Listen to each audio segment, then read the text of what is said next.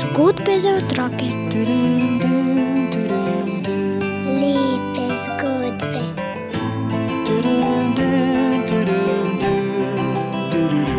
Bere nam jih Juri Sešar. Lepo pozdravljeni. Današnja zgodba o življenju Frančiška Saleškega, ki jo je spisala Tadeja Roblek v knjižico Dva velikana in še večja mamica, nosi naslov Redka ptica na zemlji. Pogosto jemo za zajtrk mleko in kosmiče, redko kdaj si že zjutraj spečemo palačinke. Pogosto me mami priganja, naj pospravim vse z mize, redko kdaj sam opazim, da bi bilo dobro to narediti. Pogosto vidim jasno nebo. Redko kdaj opazim strelov nevihti.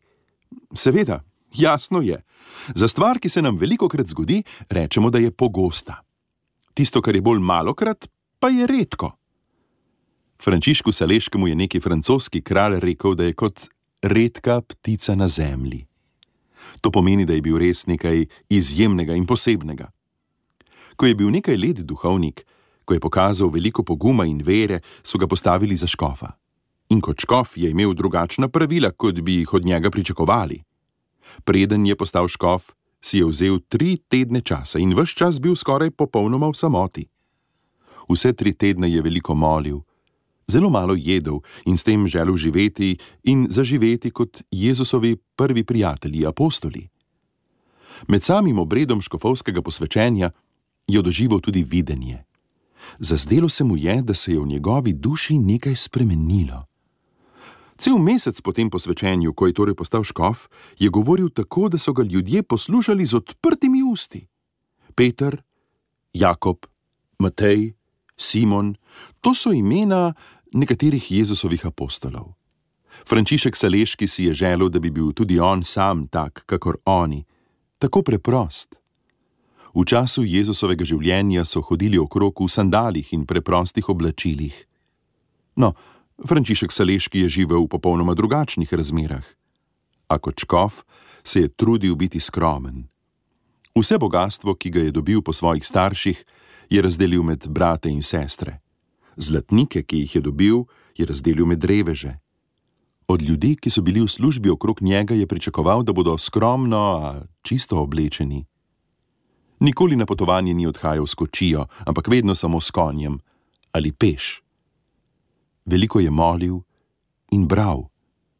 Kadar pa ga je kdo poklical na pomoč, tedaj je vedno vstal in šel med ljudi. Rekl si je: Zadaj zapuščam Boga zaradi Boga, saj bom Boga našel v človeku, ki me potrebuje.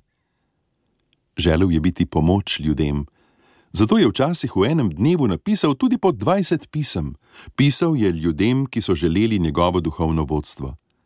Pa saj veste, takrat ni bilo računalnikov in tipkovnic, ne, pero je pomočil v črnilo in pisal in pisal. A zdaj Frančiška opisujemo kot nekega samotarja, o, pa ni bil vedno tak. Rad je tudi otroke učil o Bogu. Kjerkoli se je pojavil, se je hitro napravila gruča otrok in odraslih okrog njega. Ko je bil z otroki, je tudi sam postal otrok. Tudi njegova mamica je večkrat prišla in poslušala, kaj govori, on pa ji je odgovoril: O, mama, kako hvaležen sem! Prav vi ste me naučili vsega tega, kar dajem otrokom. Tako je bilo, ja? Otroci so svoje starše vikali. Frančišek je zelo rad imel svojo mamo in jo je zelo spoštoval. In po njegovem zgledu se z molitvijo zahvalimo staršem za dar življenja. Pa lepo naj bo življenje, ki je pred vami. Vem, da bo čez tri dni spet čas za krasno zgodbo z naslovom Vse delajmo z ljubeznijo. Nasvidenje takrat.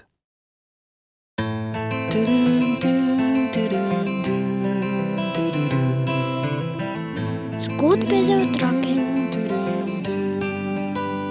Lepo.